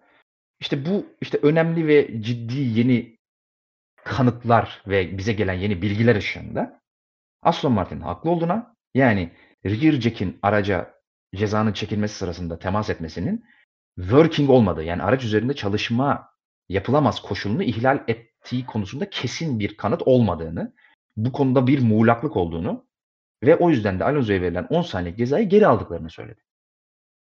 Daha sonra FIA'dan bir açıklama daha geldi. Ve dediler ki bu olay burada bir itiraf geldi aslında. Çünkü exposed kelimesi yani açığa çıktı kelimesini kullandı aslında burada FIA. Ağır bir hani ciddi bir hani bir itiraftı bu. Ve dedi ki biz bu olay dedi bizim dedi bu takımlarla Sport, Sporting Advisory Committee'de yaptığımız e, ve üzerinde anlaştığımız maddenin yeteri kadar açık olmadığını gösterdi. Bundan sonra bu tür olayların yaşanmaması ve hani kuralın sabit bir şekilde, düzenli bir şekilde, net bir şekilde uygulanması için de Avustralya GP'sinden önce 23 Mart tarihinde takımlarla bir eee, tekrar Sporting Advisory Committee'de bu konunun konuşulacağını ve net bir karara bağlanıp bu sefer daha açık eee, şekilde maddelerin konulacağını söyledi. Yani bir bakıma da bir itiraf da gelmiş oldu burada FIA'dan. Böyle enteresan bir süreç yaşadık. Yaklaşık 4,5-5 saat süren bir süreç oldu ve Alonso'ya gecenin bir saatinde podyumu tekrar geri verilmiş oldu. Eee süreç böyle. Yani, işte, kısaca tekrar özetlemek gerekirse Mercedes tarafından bir itiraz geliyor. Tekrar VAR inceliyor ve diyor ki, "A, evet." Nasıl görmedilerse bu arada ilk seferinde çok net görülüyordu yani yayında. Rear jack dokunmuş. "A, tamam bu ihlaldir." Yarış hakemleri diyor ki, "A, evet ihlal varmış. 10 saniye ceza verelim." Sonra Aston Martin itiraz ediyor. Diyor ki, "E, daha önce 7 kere vermemişsiniz." Onlar da diyor ki, "A, evet vermemişiz. E, kurallarda da bu working tabirini tam karşılamıyor gibi sanki. O zaman kaldıralım." Sonra da FIA da diyor ki, "A, evet ya bu tam açıklayıcı olmamış." Ve böyle bir süreç oldu. Ya, PR açısından rezalet. Hani podyuma çıkarttığınız kutlama yapan, eee, pilot daha sonra podyumu kaybettiğini öğreniyor. Ondan sonra bakıyorlar ki, "A, yok kaybetmemiş aslında." falan. İşte mesela Russell'ın çok doğru bir açıklaması oldu. Hatta Alonso da aynı şeyi söyledi. Ya, dedi ki, "Ben" dedi, "hani podyumun alınması önemli değil. Ben oraya çıktım, kutlamamı yaptım. Eee, sponsorlarımıza da gösterdik. Yani hem marketing anlamında hem de sporting anlamında hem de kişisel anlamda ben, eee, alacağımı aldım." dedi. Russell da dedi ki, yani podyumun alınması, podyumun podyuma çıkmama tabii ki sevindim ama hem ben bu kararın ağır olduğunu düşünüyorum hem de dedi yani ben yani şunu demeye getirdi. Hani sponsorlarımızı orada göstermedikten sonra podyuma çıkmanın ne anlamı var gibi bir şey söyledi. Felaket yani hani bu süreç. Yorumlarını merak ediyorum Koray. Hani dinledin süreci. Ne düşünüyorsun? Abi şimdi şöyle e, yazan kurallardaki eksiklikten dolayı e, Alonso'nun ilk başa ceza alması da aslında yanlış bir karar değil. Daha sonra cezanın geri dönmesi de aslında yanlış karar, yanlış bir karar değil. Çünkü e, senin biraz önce bahsettiğin gibi sadece araç üzerinde çalışma yapılamaz ibaresinin bulunmasından dolayı zaten e, bu, bu sorunlar ortaya çıkıyor. E, şimdi onu da şöyle anlatayım. Şimdi 5 saniye zaten araç üzerinde çalışma ya, yapmıyor ya bu ceza süresince mekanikerler. E zaten e, arka rear jack'i oraya konumlayan çalışan aracı kaldırmıyor. Sadece hazır konuma geliyor. Şimdi ayrımın yapılması gereken nokta aslında zaten bu. Şimdi oraya temas bir çalışma olarak sayılmıyor. Çünkü kurallarda bunun bir şeyi yok. E, açıklaması yok. Ama e, işte Mercedes'in itirazında vesaire görüyoruz ki e, dokundu bu da çalışmadan sayılır. E şimdi iki takım da haklı. Ya sen zaten biraz önce e, söyledin e, bu, kurallarla ilgili işte ayın 23'ünde e, takımlar vesaire bir toplantı yapacak. Muhtemelen bu kural açıklıkları giderilecek biraz daha e, bu konuda şeffaflar gri alanlardan yoksun olacak muhtemelen ama e, yani çok uz, uz yani çok uzatacağım bir şey yok. Hani biz zaten hep bahsediyoruz Formula 1'de işte kurallarda gri alanların olmasından ve bunun, bunun aslında biraz daha doğal bir şey olmasından ama e, sen biraz önce PR olarak bahsettin. E, Formula 1'e ve takımlara veya sponsorlara vesaire zarar verebilen bir durum olabiliyor. E, ya bu sadece nasıl söyleyeyim? Ya tek bir çerçeveden bakılmaz ama ya ben çok çok büyük bir rezalet olduğunu açıkçası düşünmüyorum ya. Çünkü hani bu sadece e, pit stoplarda değil. Yani bir parça geliyor atıyorum. E, takımlar bir güncelleme getiriyor ortasında. E, ve bu kurallarda gri alanlardan biz bunu defalarca gördük. Ve bu aslında iyi bir e, çalışmadır. Hem kuralları iyi değerlendirmektir hem de bir mühendisliktir. Ve sen e, kuralı düzgün yazamadığın için bunu hep görüyoruz. Ki aslında kuralı tam düzgün yazamadığını da söyleyemem aslında. Çünkü e, ucu buca o kadar açık şey açık ki gelişim alanı olabilir, işte kurallar çerçevesinde olabilir. Ya onun için ben buna çok fazla eleştiriler yaklaşamam. Ha, böyle bir olay yaşandıktan sonra zaten genelde hep biz Formula 1'de bunu görüyoruz. Ya bu açıkların kapatılması en doğru durum durum zaten. Ee, ceza konusunda dediğim gibi gri alan olduğu için Mercedes'in itirazı da doğru. Aston Martin'in savunması da doğru. Ya onun için e, çok fazla dediğim gibi eleştirebileceğim bir nokta değil. E, ama ya olmasa tabii ki daha iyiydi ama zaten biz yıl hep bunu görüyoruz Formula 1'de. İşte kurallar, işte e, kısıtlamalar vesaire gelen yenilikler ya da yaşanmışlıklardan yola çıkılarak yapılır, yapılıyor. Biz hep bunu gördük. E, bu da bunun örneği oldu. Ee, teşekkür ederim. Şimdi orada şöyle bir şey ekleyeceğim. Şimdi teknik regülasyonlardaki gri alanlardan bahsedeyim. Şimdi burada fark şu. Şimdi bir kere Formula 1'in FIA'nın Formula 1 sporuyla ilgili yayınladığı e, iki farklı kural kitapçığı var. İki farklı kurallar dizini var. Biri Sporting Regulations, biri Technical Regulations. Şimdi Technical Regulations'ta gri alan bulunması zaten Formula 1'in doğasında var olan bir şey. Yani çünkü sonuçta istediğiniz kadar mesela bir amaca hizmet etmek için bir teknik kural değişikliği getirin. Atıyorum işte e, araçların birbirini daha yakından takip etmesi için veya işte güvenliği daha fazla arttırmak için, aerodinamiği daha fazla arttırmak için veya azaltmak için, araçları hızlandırmak için, yavaşlatmak için vesaire. Bir teknik kural değişikliği getirin. Mutlaka etrafından dolaşılacaktır. Mühendisliğin doğasında var bu. Ama şimdi sporting regülasyonunda bu kadar gri, gri alan değil çünkü bu hata. Net belirtilen. Çünkü sporting regulations kısmında işin içine hukuk da giriyor. Hak yenmesi de giriyor. Şimdi technical regulations'ta gri alan bulmak hak yenilmesi gibi bir durum oluşturmuyor. Ama burada haksızlık oluyor. Şimdi bakın Aston Martin demiş ki 7 kere vermediğiniz cezayı 8. de bize veriyorsunuz. Şimdi bu düzeltilmediği zaman bir haksızlık ortaya çıkartır. Ya da işte böyle düzeltilse bile rezalet ortaya çıkartır. Ufak çaplı, büyük çaplı önemli. O yüzden Sporting regülasyondaki hatalı, eksik belirt belirtilen maddelere gri alan oluşturuluyor, olur bunlar diye geçmenin ben kesinlikle doğru olduğuna katılmıyorum. Technical Regulations'la kıyaslanmasına da katılmıyorum. Dediğim gibi çünkü Technical Regulations bir mühendislik kural silsilesinden oluşuyor. Mühendisler her zaman bunun etrafından dolaşacaktır. Bunu Formula 1'in doğasında vardır.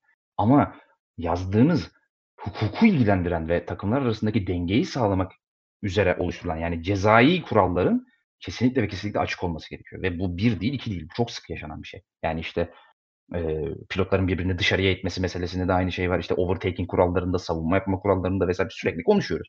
Yani o yüzden ben bunu hani ya işte gri alandır demenin doğru olduğunu düşünmüyorum. Kesinlikle katılmıyorum. E, bu kesinlikle Sporting Regulations'da böyle olmaması gerekiyor. Teknik regulasyon başka bir şey. O başka bir şey. O dediğim gibi mühendisliği ilgilendirir yani. Ama biz bunu e, sadece bu şey mevzusunda işte Alonso mevzusunda değil, bunu daha önceki durumlarda da daha önce de bunlar ilgili işte kural değişiklikleri işte bazı mevzular yaşandı ki şöyle mesela e, yanlış hatırlamıyorsam bir Monaco yarışıydı. E, Verstappen'in arkadan kaymadan dolayı e, pit çizgisinde geçtiğini görmüştük. Evet. Geçen sene miydi? Onun önceki sene mi neydi? Mesela o, orada yanlış hatırlamıyorsam cez, orada ceza çıkmış mıydı? Orada ben ceza çıkmadı diye hatırlıyorum ama. Orada çıkmadı. Al- Almanya'da Hamilton aynısını yaptı. Hockenheim'de çıkmadı mesela. Ya evet mesela bak senin bahsettiğin e, sportif olaylar. Şimdi e, mesela o Monaco'daki olayı daha net hatırladığım için ondan örnek vereyim. Mesela oradaki normalde bunun cezası var. Yani belirtilen şey bu. Fakat oradaki Verstappen'in çizginin dışına taşması e, bir pilotaj durumu ya da işte Verstappen'in bilerek yaptığı bir durum değil.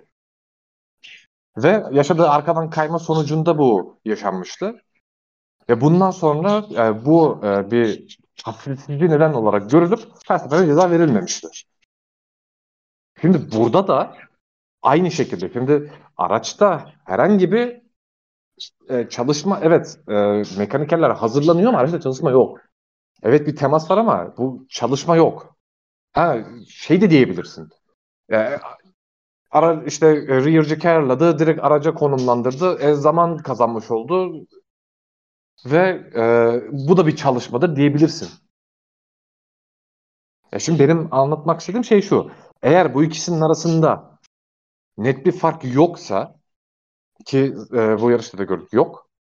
Şimdi bu bence tamamen bir haksızlık durumuna düşmüyor. Çünkü zaten diğer takımlar da bunu biliyor. Çünkü hani evet Mercedes mesela e, itiraz ediyor çalışma e, yapıldı diye ama şimdi buradan Mercedes'in e, bu, bunu atıyorum Mercedes, yerleri değişelim. İtiraz Aston Martin yaptı. Mercedes tam ters durumda. E, bu sefer de Mercedes savunmasını bu şekilde yapacak. Çünkü zaten kurallar evet açık bir yer olsa da yani Mercedes de ona göre davranıyor. Aston Martin de ona göre davranıyor. Abi şunu anlatmaya çalışıyorum. Şimdi haksızlık şurada. İşte Aston Martin'in burada itiraz etmesine, bu süreci yaşamasına, orada podyumunun geri alınmasına gerek olmaması lazım. Madde açık olmadığı için bunlar yaşanıyor. Burada bir haksızlık var. Şimdi Aston Martin o 7 önceki olaydan haberi olmasa yeni kurulan bir takım diyelim. Mesela hiç dokümantasyon geçmişi de yok elinde. Sıfırdan girdi. Böyle bir dokümantasyon geçmişi olamaz elinde. E şimdi itiraz etmedi. Veya itiraz etti kabul edilmedi. E, haksızlık olurdu. Şimdi üzerine savaşılmasına gerek olmayan bir durumda üzerine savaşmak zorunda kalınıldı. Anlatmaya çalıştığım şey bu. Burada bir haksızlık enine sonunda varıldığında yaşanmamış olabilir. Yani sonunda yaşanmadı. Ama yaşanabilirdi. Yaşandığı da oluyor. Onu anlatmaya çalışıyorum. Hani Yok ben sadece alan, bu olay üzerinden tek, söylüyorum. Hayır şimdi genel olarak söyledin ya technical regülasyonları da örnek verdin. Ben de onu söylüyorum. Technical regülasyonda haksızlık diye bir şey olmaz. İyi mühendislik olur, kötü mühendislik olur. Gri alanı fark eden olur, fark etmeyen olur. Ama burada bir haksızlık olur. Örnek vermek gerekirse 2018 Almanya'da Hamilton pit çizgi, pite girerken dışarı taştı, pit çizgisini kesti, yoluna devam etti. Ceza gelmedi. Ama bu açıkça ceza verilmesi gereken bir durum. Kurallarda yazdığı kadarıyla. Daha sonra bu güncellendi. Dediler ki ya açık değilmiş.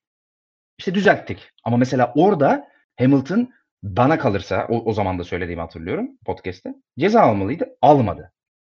Ama şimdi ne oldu? Haksızlık oldu. Çünkü niye? Belki de orada ceza alsaydı Hamilton ki belki de değil yanlış hatırlamıyorsam yarışı ya Bottas kazanıyordu ya başka bir pilot kazanıyordu. Ama yanlış hatırlamıyorsam Bottas kazanıyordu. Yani şimdi bir dengesizlik oldu mesela. Bir haksızlık oldu. Şimdi böyle şeylere imkan vermemek için sporting regülasyonlarının açık yazılması gerekiyor. Onu söylemeye çalışıyorum. O yüzden hani sen teknik regülasyonlarla kıyas yaptın ya ona katılmadığını söylüyorum. Çünkü burada bir hak haksızlık durumu oluyor. Technical regülasyondan farkı o. Anlatmaya çalıştığım şey o yani. Yanlış anlama.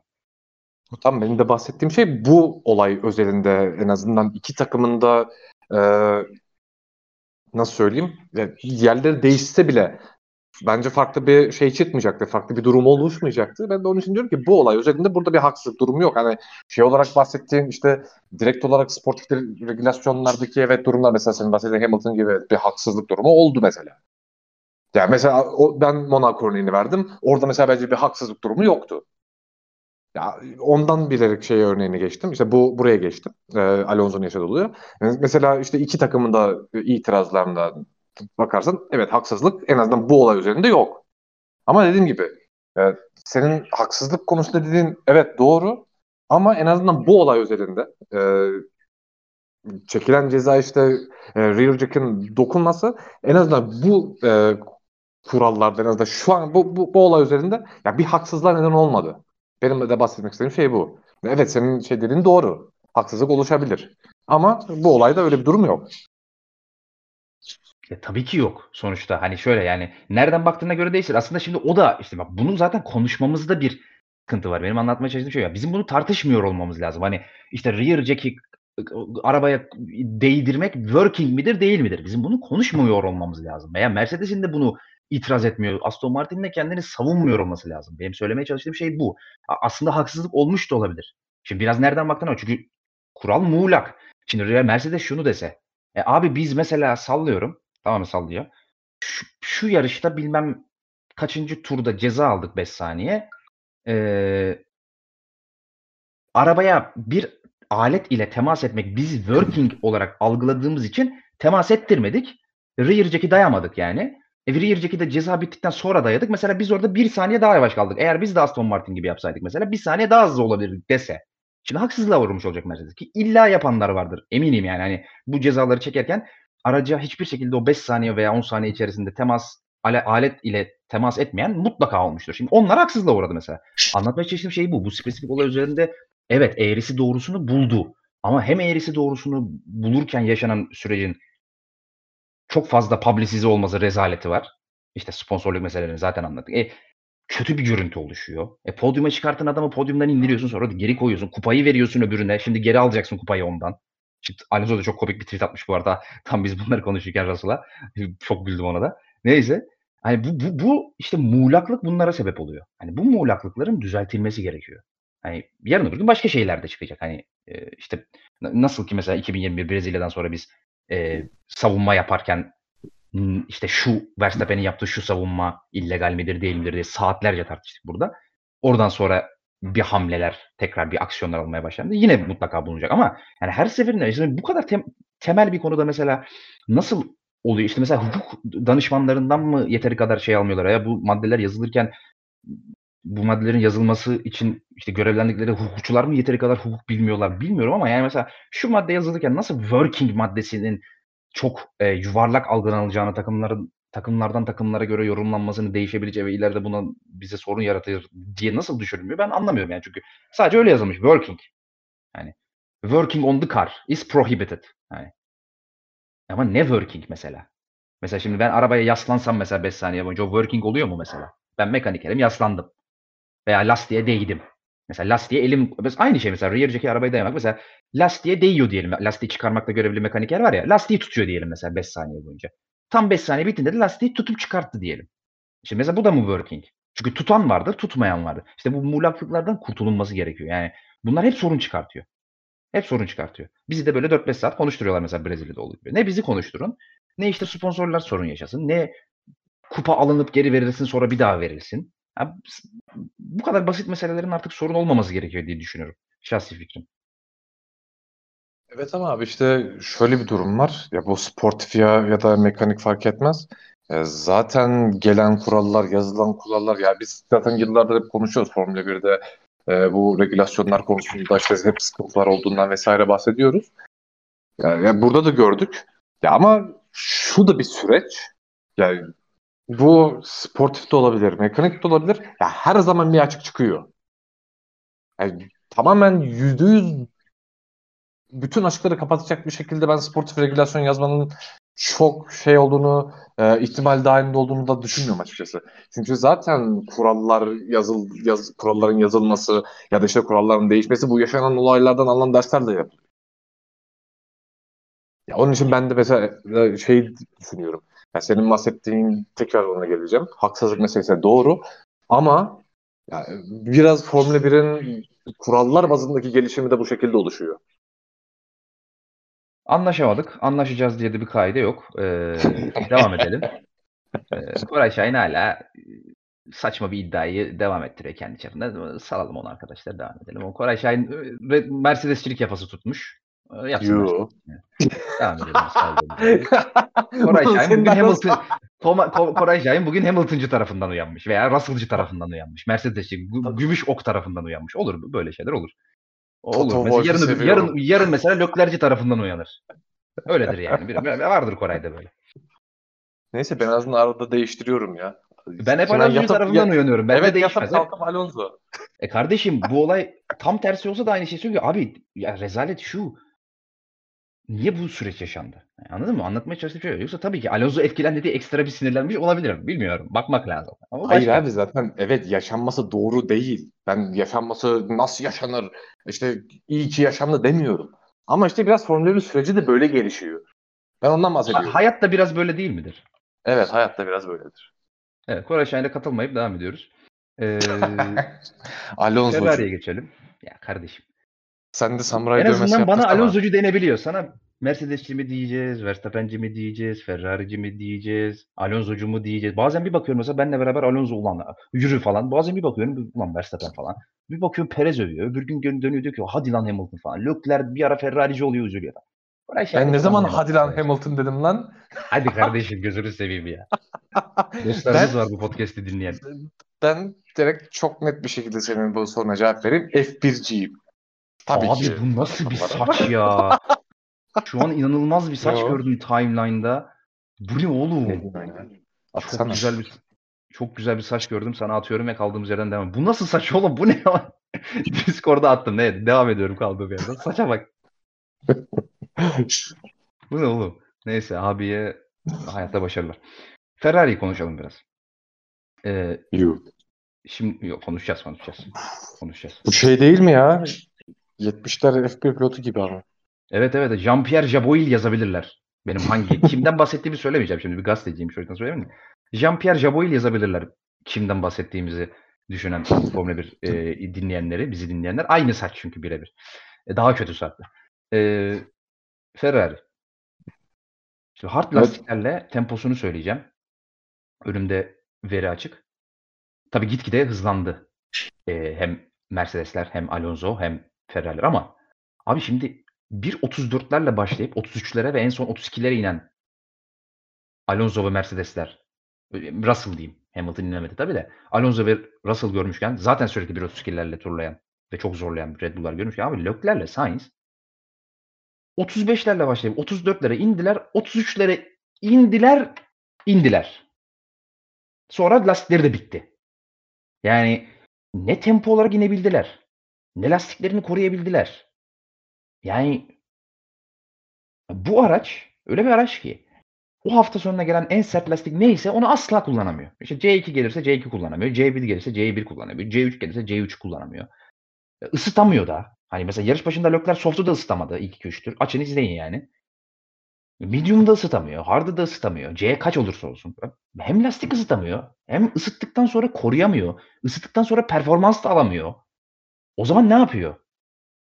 Yani ne yapıyor bu lastiğe yani? E, Hem working temperature'ı yakalayamıyorsun. E, yakaladıktan sonra temponu tutturamıyorsun. E, tutturduktan sonra da koruyamıyorsun lastiği. O zaman ne yapıyor abi bu araç? Yani hani yani ne çözecek? Mesela hafta içi kovulmalar oldu. İşte şey çok önemli bir mühendis şimdi adı asla aklımda değil de çok kusura bakmayın not almayı unutmuşum. İşte Loren Mekiz'in de ayrılacağı konuşuldu. Sonra yalanlandı. İşte Vazör dedi ki sorun yok devam her şey yolunda ama hiç öyle olmadı. Anlaşılıyor yani İtalya'dan gelen haberler var çünkü biliyorsunuz işte bazı gazeteler vardır. Hani Ferrari'de içeriden bilgiler alır falan. Hiç hiç öyle iç açıcı şeyler gelmiyor. E, meselesi var. Yani bu mes- bu şeyde mesela sinirlendi. Ee, burada mesela sinirlendi mesela bu yarışta. Çünkü zaten demeçlerinde de sürekli yansıyor. Mesela şey dedi. Eee sıralamalarda mı dedi onu ya? Galiba sıralamalarda dedi radyodan yanlış hatırlamıyorsam. Bu kadar geride olmak canımı sıkıyor gibi bir şey söyledi.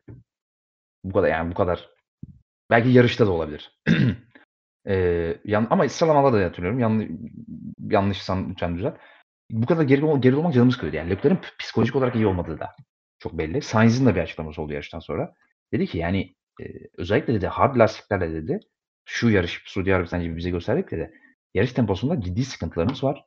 Ve biz en, iki, en, en hızlı ikinci ara kesinlikle değiliz dedi yani.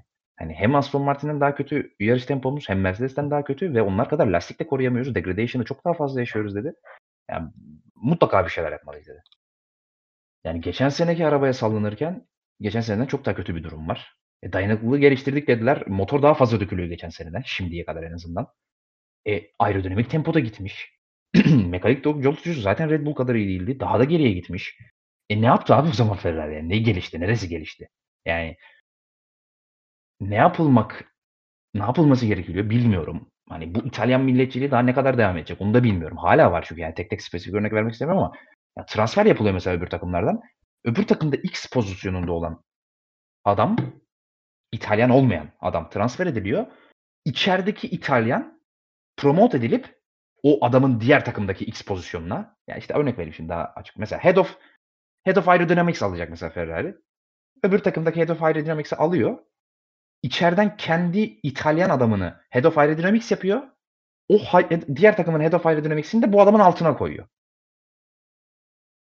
E o zaman olmuyor işte demek ki demek ki olmuyor görüyoruz yani. Ya bu takım zaten hiçbir zaman İtalyanlarla öne çıkıp başarı kazanan bir takım olmadı ki bu takımın en başarılı olduğu dönemlerde İtalyan yoktu.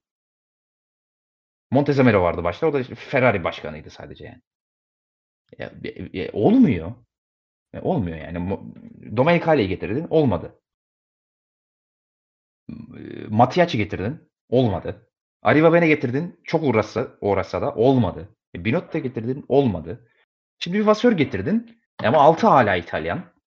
Promote yapıyorsun gene İtalyan yapıyorsun. E olmuyor. Olmuyor yani. Organizasyonel anlamda sıkıntılar. Pilotun mutsuz. Çok iyi bir pilot buldum mesela alttan. Abi adam mutsuz. Her an ayrılabilir. Bak çok ben çok eminim. Şu an bir teklif gelse ayrılır.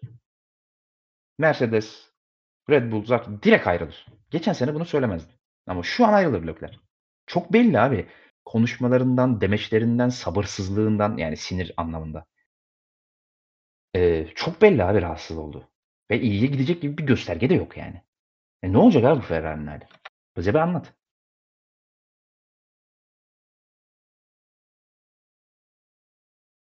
Koray. Abi sesi açmayı unutmuşum çok pardon.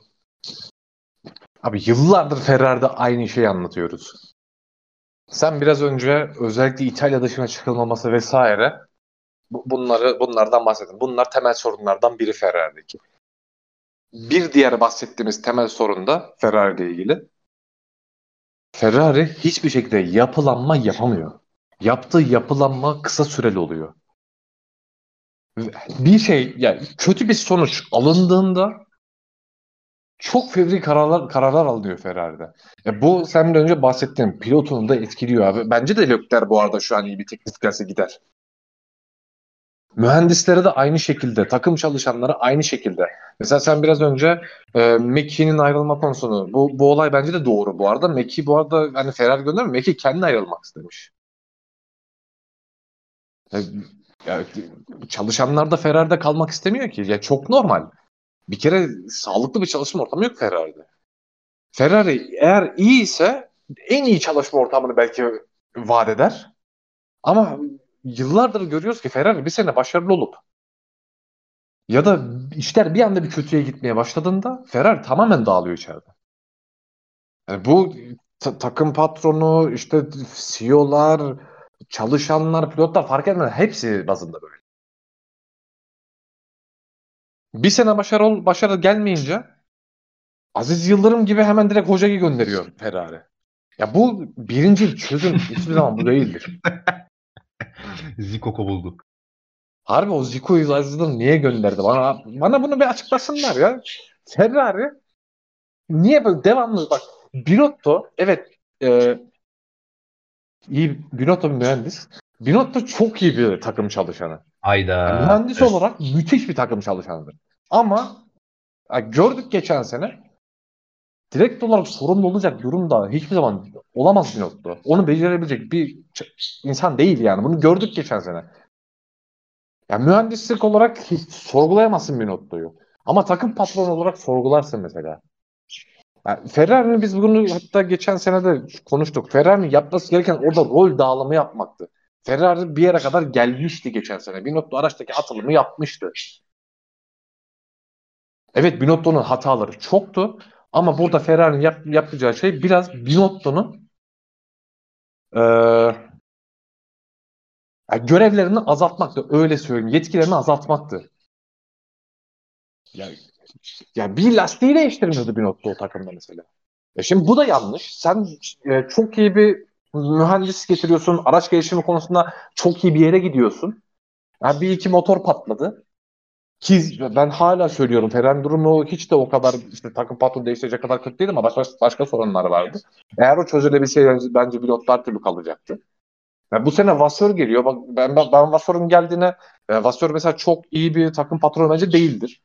Ama Ferrari'nin aradığı takım patronu olabilir de Vasseur. Çünkü en azından o dağılımı Vasseur'un takım patronunda yaparsın ki şu an Ferrari bunu yapıyor. Ama bu sefer araç yok. Kanat alıyor, orta saha yok. Orta saha var, forvet yok. Aynı Fenerbahçe. Lan bu takım nasıl başarılı olsun abi? Hani bir şeyi bir, bir yere getiremiyor ki. Ya ben ben söyledim. Takım patronu geliyor, çalışanlar iyi değil ya da işte e, araç konsepti doğru yapılamıyor. Ha şimdi David Sanchez'i gönderdi senin biraz önce söylediğin. E, şef ayrılmamıştı galiba hatırlamıyorsam. Ha, o, o, oydu değil mi adı? Evet teşekkür Ya doğru bir karar olabilir. Ben buna bir şey demiyorum. Ama abi Ferrari doğru kararı da doğru zamanda veremiyor ki. Ha, Ferrari'nin en sorunu bu. Ya, biz yıllardır bunu anlatıyoruz. Ferrari'nin evet e, senin bahsettiğin e, işte e, çok fazla bir milliyetçi tutumu olması, işte İtalya, biz, iç içe vesaire durum olması evet zarar veriyor. Ama bu durumda bile Ferrari imkan olarak işte tak, çalışanlar olarak vesaire şampiyonluğa yarışamayacak bir konumda asla değil imkan olarak. Asla değil. Buna rağmen. Ama bu takım bir sezon şampiyonluğa ucundan kıyısında oynayıp diğer sezon dördüncü sıraya düşüyorsa yani bunu e, çalışanlarla vesaire açıklayamazsın. Ya bu tamamen yanlış yönetilmeden bence kaynaklanıyor. Yani mesela bak bu hafta sonu yaşanan başka bir olay. Ya Vasseur'ün Toto Wolff arası çok iyidir. Yıllardır böyle zaten. Ee, Bahreyn yarışından sonra da herhalde. Ne zaman tam hatırlamıyorum ama Toto Wolff'le ben aynı uçağa bindikleri için Ferrari'den bayağı bir fırça yemiş mesela Vasseur. Ha bunlar ya bu tamam hani sen diyebilirsin işte rakibinin aynı şeyi ya, ha, bu bence çok fazla göze batmaz ya da Ferrari sen nasıl bunu bir şey yaparsın diye çıkacak bir durum ama Ferrari'de iç, iç karışıklığı bence çok iyi gösteren göstergelerden bir tanesi bu. Çünkü abi ne sağlıklı karar alınabiliyor. Bakın Ferrari'de bu kadar işte e, McKinnon'ın e, istifa etmek istemesi, David Sanchez'in gönderilmesi bunların hepsi Bahreyn'deki performansla alakalı. Yine çok fevri kararlar veriliyor Ferrari'de. Doğru olabilir ya da olmayabilir. Ben bundan bahsetmiyorum. Ya, tamamen başarısızsa o hocayı gönder. E, yine aynı yere dönmüş durumda Ferrari. Bir vizyon. Ee, nasıl söyleyeyim? Birkaç yıllık daha geleceği düşünen bir plan. Ve e, bir süreklilik olmazsa bir takım başarılı olamaz. Ha, diyeceksiniz ki ya Aston Martin'in kadro değişi çok mu süreklilik vardı? Aynı durum değil. Mesela Aston Martin'de de değişiklik oldu mu? Aston Martin içeriden Ferrari kadar karışık bir şey olduğunda hemen herkes birbirleriyle birbirini kovduğu sataşta hemen birilerinin gönderildiği bir ortam değil. Ve aynı zamanda Ferrari'deki baskı başka bir şeydir. Ya onun için bunlar çok farklı şeyler. Yani evet başka takımlarda değişim oluyor da Ferrari ile işte Ferrari'de bir değişim oldu başka bir takımda değişim olmaz aynı şey olmuyor. Onu an- anlatmak için söyledim bunu. Ama şimdi dediğim gibi Ferrari'nin iyi bir plana ihtiyacı var öncelikle. Ferrari'nin çalışanları her ne kadar e, işte fabrika İtalya'da bunu da belki sorun olarak söyleyebilirsin. İşte çok milliyetçi takım bunu da söyleyebilirsin ama bence en büyük problem Ferrari'de hiçbir zaman bu değil. Evet bunu belki problem olarak söyleyebilir, belki değil ama problem olarak söyleyebilirsin. Biraz evet takımı geri atar. Ama temel problemi bence birinci problemi Ferrari'deki plansızlık. Ferrari'nin iyi planı yok. Kesinlikle katılıyorum. Ee, tam Türk futbol kulübü ya tam. Tam yani. Ama Aziz Yıldırım ya. Aziz Yıko Şampiyonlar Ligi'nde çeyrek falan oynatmış. Şampiyon olamadı. 82 puanla şampiyon olamadı diye herifi gönderiyorsun ya. ya. Ne farkı var şimdi? Por favor Kejman, por favor. Evet. Ee, Allah akıl fikir versin. Ne diyeyim Ferrari'ye. Ferrari taraftarlarına da sabır versin. Katılıyorum. Ee, Mercedes'e biraz değineceğim. Orada da Toto Wolff'ten bir açıklama geldi hafta içerisinde. Ve dedi ki bu yeni konsept hazırlıkları var biliyorsun. Ee, yeni konsept dedi yaptığımız incelemelerde, rüzgar tüneli testlerinde vesaire beklediğimizden daha iyi çıktı dedi. Yakında da getireceğiz dedi. İşte hype mı yaratıyor yoksa gerçekten öyle mi göreceğiz ama Mercedes'in zaten bir bir Sudo 5 aşısıyla geleceği çok büyük ihtimalle Azerbaycan'a veya İspanya'ya biliniyor. Bunun beklenenden daha iyi çıktığını söylediler. Bakacağız. Yani yarış kazanabilecek kadar bir tempoları olur mu? O güncellemeden sonra göreceğiz. Ben beklemiyorum şahsen ama bakacağız. Ee, Hamilton'ın yine ilginç bir demeci vardı. ve yani işte bu hafta sonu şunu söylemek gerek. Russell hem sıralamada hem de yarışta çok daha hızlıydı Hamilton'dan. Ee, tebrik etmek gerek. Hamilton'a bunun sebebi sorulmuş yarıştan sonra ve demiş ki setup'tan dolayı ben de aynı setup'ı kullansam o kadar hızlı olurdum demiş. Russell kadar hızlı olurdum demiş. E abi kullansaydın. Yani zorla mı kullandırdılar? Hani anlamadım ama sen anlayabildin mi? Ne demek yani? Şimdi sanki takım ya pilotlar setup'ları zaten takımla beraber ortak kendileri belirliyorlar. Kendi preference'ına göre çıkıyorlar antrenman turlarında. Yani biz de şimdi F1.22'den biliyoruz Koray. Çıkıyorsun abi. Neyse setup'ın hani ne atıyorum. Diyor ki mesela şu kadar front wing'im olsun. İşte e, throttle differential'larım bu kadar olsun. Brake bias'ım şu kadar olsun. Tamam ben böyle tamamdır diyor. E, abi o zaman sen de Russell'ın setup'ıyla yarışsaydın. 3 tane antrenman vardı önünde. Ya bilmiyorum. Bu Hamilton'da takım arkadaşı onu geçtiği zaman gördüğümüz bir hani dengesizlik de demek istemiyorum ama bir, bir, bir böyle bir dedim gitti göt dengesizlik yangını. oluyor yani. Hani bir böyle bir dağınıklık oluyor. Ben göt yangını diyorum. Estağfurullah canım ne biçim konuşuyorsun? Öyle şey olur mu?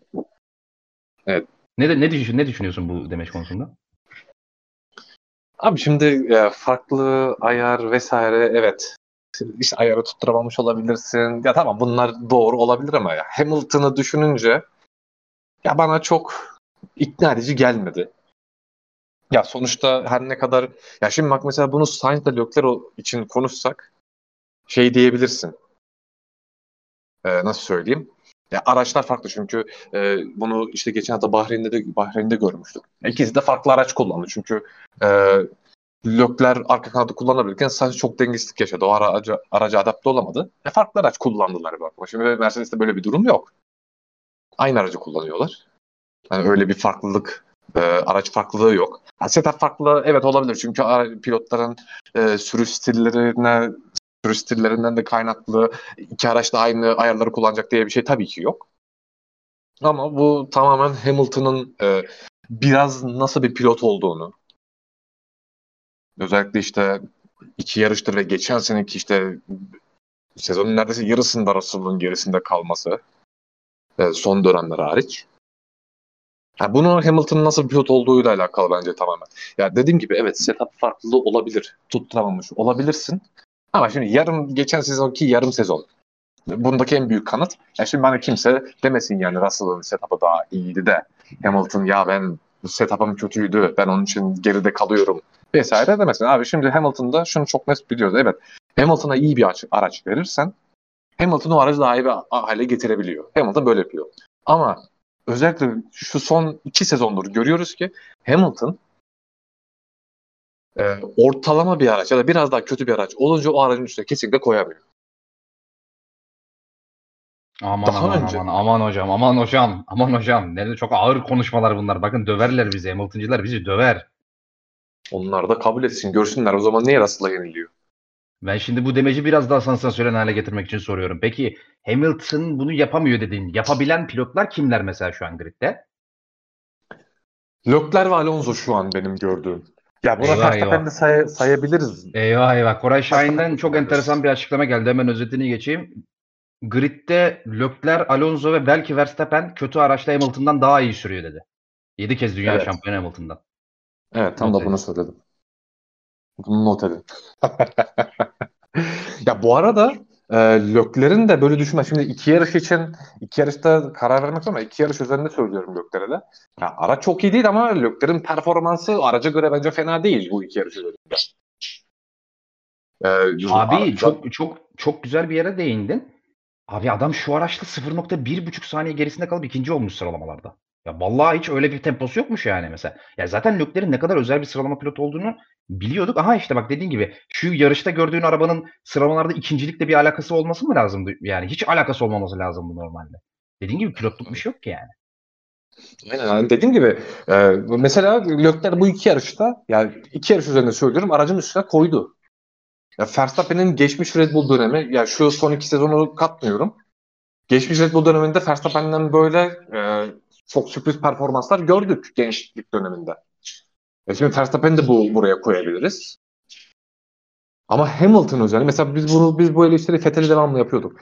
Vettel evet Red Bull döneminde şampiyon olduğu dönemde araç çok iyiydi ve o araçta çok iyi bütünleşip üstüne koyabiliyordu. Çok güzel performans verebiliyordu. Şimdi bunu bir pilotun yapabilmesi çok çok sürpriz bir durum değil. Çünkü araç zaten iyi. Sen de az çok iyi bir pilotsan e bunu kullanırsın. Bunun üstüne koyarsın zaten. E Perez Abi evet Perez de öyle. Ya Perez de mesela şey e, evet yani Red Bull şeyini çok fazla söylemiyorum ama çünkü Red Bull'daki durum biraz farklı ama e, Red Bull'da olmadan önce işte atıyorum e, Williams dönemi ya da işte e, Force India dönemi vesaire ya o zamanki performansları iyiydi yani Perez'in. Kötü değildi bence. Ya onu da bu Ben şey anlamda zaten- söyledim. Yan, ben mi yanlış anladım? Belki cümlenin başını yanlış duydum olabilir. Hani iyi araçla zaten belli bir seviye performansı her pilot hemen hemen alır anlamında Evet. örnek verdim ben Perez'e. Ha, aynen aynen doğru işte. Ben hem onu söyledim işte Red Bull dönemini ayrı olarak hani onu ayrı tuttum.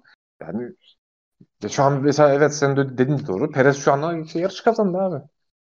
E, Evet hani orada bir takım elme durum var vesaire. Verstappen'le mücadele edemiyor. Doğal olarak Verstappen kadar iyi bir pilot da değil. O kadar hızlı bir pilot da değil ama yani işte ikinciliği oynuyor. Hani Perez ekstra bir şey koyuyor mu şu an Red Bull'a? Yok abi yok hep e, ben abi şey niye diyoruz biz yıllardır burada? Yani bir pilotun en iyi pilot olup olmadığı tartışmalarında değerlendirilecek şeyler şampiyon olduğu seneler falan değil abi. Kötü arabayla değerlendireceksin. Çünkü aha işte Perez de kazanıyor. Ya Maldonado kazanmadı mı abi? Evet abi. Ya abi 2012 iyi, iyi araç iyi araçla kazanırsın şam. Ya şu, kim var şöyle koy Nick De Vries'i Red Bull'a. Mesela Red, Nick De Vries'le kim olsun ikinci pilotu ya? Beni koy mesela. İki, ben hiç şey, kendimde şeyden örnek verdim. Ben zaten hiç bir şey yapamam. Nick De Vries tek başına kalacak. E, şu an şampiyon olur. Olur. Siz zannediyor musunuz ki o aradaki 0.5-0.6'lık farkı Alonso kapatır öbür araçta Nick De Vries var diye? Hayır kapatamaz. Şampiyon gene Nick De Vries olur. Red Bull'la. Çaylak diye örneği o verdim. Ondan verdim bu arada. Yani o yüzden işte ya şimdi tekrar hep aynı Hamilton'a gelmek istemiyorum ama ya Hamilton 7 kere şampiyon oldu. 100 tane yarış kazandı. 100 tane poli var. O yüzden tarihin en iyisi. Hayır. Öyle olmuyor o işler. E o zaman şimdi Russell yendi geçen sene. E o zaman şimdi Russell. Hamilton iyi pilot mu abi? Goat. Russell Goat Goat. yani evet. O zaman Goat'tan iyi pilot. Ya öyle olmuyor arkadaşlar o işler. Öyle değil o işler. Ya bir daha bak ben devamlı şunu söylerim. Ya mesela Hamilton evet hızlı araçta hızlı aracın üstüne koyar. Mesela işte Mercedes'in şampiyon dönemlerde bunu çokça kez gördük. Ya çok iyi performans. Mesela e, ben Hamilton'ın pilotaj olarak gelişiminden bahsediyorum. İşte McLaren döneminde nasıl pilot olduğunu, Mercedes döneminde ne kadar geliştiğinden mesela bahsediyordum. İşte McLaren döneminde çok savruk, çok daha hızlıydı ama çok daha savruk bir pilottu. Mercedes döneminde e, çok güzel yoğuntuldu Hamilton ve işte bu bahsettiğimiz hızlı aracı daha iyi kullanan bir pilot haline geldi. Ya bu konuda Hamilton'a bir eleştiri yöneltemem. Çünkü o konuda gerçekten iyi, iyiydi. Ama şimdi bu e, bir pilotun m, işte en iyi işte 7, kez dünya şampiyonu ya da tarihin en iyi pilot de- denecek bir seviye değil. Yani biz bunu daha önce söyledik. İşte biz Keçi Podcast'ını yaptık ama yani pilotaj olarak araçları tamamen ya da şartları tamamen denkleştirmeden kimin daha iyi olup ol- olmadığını tarihte anlayamazsın zaten. Yani onun için böyle bir şey yok. Böyle bir kıstas yok. Hani Hamilton 7 kere dünya şampiyonu abi. Yani Hamilton 5 kere 5 tane şampiyonluk aldı. 6 tane şampiyonluk aldı. Ya 6 tane şampiyonluğu aldığı dönemde ikinci takımdan devamlı bir saniyede azlıydı ortalama. Şimdi bu araçla şampiyon olacak ne iyi olacak? Çok güzel bir yere parmak bastın. Onu da sorayım. Yine çok konuşulan bir demece oldu yarıştan sonra Hamilton'ın. Ben katılmadığımı Twitter'dan da söyledim. Dedi ki bu gördüğüm bu Red Bull aracı gördüğüm en hızlı araç bizim dominasyon dönemimizde bile bu kadar fark yoktu diğer takımlarda dedi. Yani ben şöyle diye bir ses çıkardım. yani senin düşüncelerini merak ediyorum. Ben 2014 Bahreyn'i izlemiş biri olarak bu sesi çıkardım yani. Abi ya Mercedes yeri geldi bir, bir buçuk saniye sezonun gelen fark attı ikinci sıradaki takıma. Red Bull abi 0-1, 0-2'lerle pol alıyor. Arkadaşlar Toto Wolff'in bir açıklaması var. Dedi ki biz dedi motor olarak dedi tam performansımızı sürmüyoruz. Çünkü sürersek dedi hem kimse yarışları izlemez hem de FIA bize kural değişikliği getirir dedi. Bu yapıyı bizi engellemek için dedi. Ya Hamilton hocam gözünü seveyim ya. O kadar da değil hocam sanki. Kore'ye bu arada hiç katılmıyorum. Kötü arabayla iyi süremiyor diye. Çok terbiyesiz bir açıklamaları. Tarihin en iyi pilotuyla ilgili böyle konuşulmamalı. Ee, saygısızlık yaptığını düşünüyorum ve Koray Şahin'den de bir özür bekliyorum. Onu da söyleyeyim. Yo. Özür dilemedi. Ben Hamilton fanlarına ihale ediyorum. Bakın dinleyin beni. Büşra Hamilton'lar. Esra Hamilton'lar. Ne bileyim İdil Hamilton'lar. Beni dinleyin. Topunuz gelin. Eyvah eyvah. Ben bu podcast'i daha fazla uzatmadan kapatmak istiyorum. Eklemek istediğin bir şey var mı Koray? Ya şeyleri alalım. Tahminlerini alalım. Bir sonraki yarış Avustralya GP'si biliyorsun. Evet. Verstappen, Alonso, Perez. Pol pol. Verstappen. Niye? Bir durum mu var? Ya Hamilton'ın iyi pilot. Ben Verstappen Pol, Verstappen Perez Russell biter diyorum. Sıralama mı, yarış mı? Yarış. Verstappen Perez Russell biter. Verstappen, Alonso, Perez dedim ben de yarışa. Evet. Ee, bir buçuk saatte geçmişiz. Ee, ufaktan kapatalım istersen. Ee, ağzına sağlık. Teşekkür ederim. Ben Ee, teşekkür dinleyen- ederim. Dinleyenlere de teşekkür ederim. Ee, umarım sezon bu, bu kadar açık farklı devam etmez diyelim. Bu mucize olsun ve bir anda Red Bull arkaya yak- yakınlaşsın diyelim. Öyle bitirelim. Ee, bir sonraki yarış olan Avustralya GP'sinin ardından eğer bir problem olmazsa tekrar sizlerle değerlendirmeyi yapmak üzere, görüşlerimizi paylaşmak üzere, görüşmek üzere. Hoşçakalın. Sürçülisan ettiysek affola. Hoşça kalın.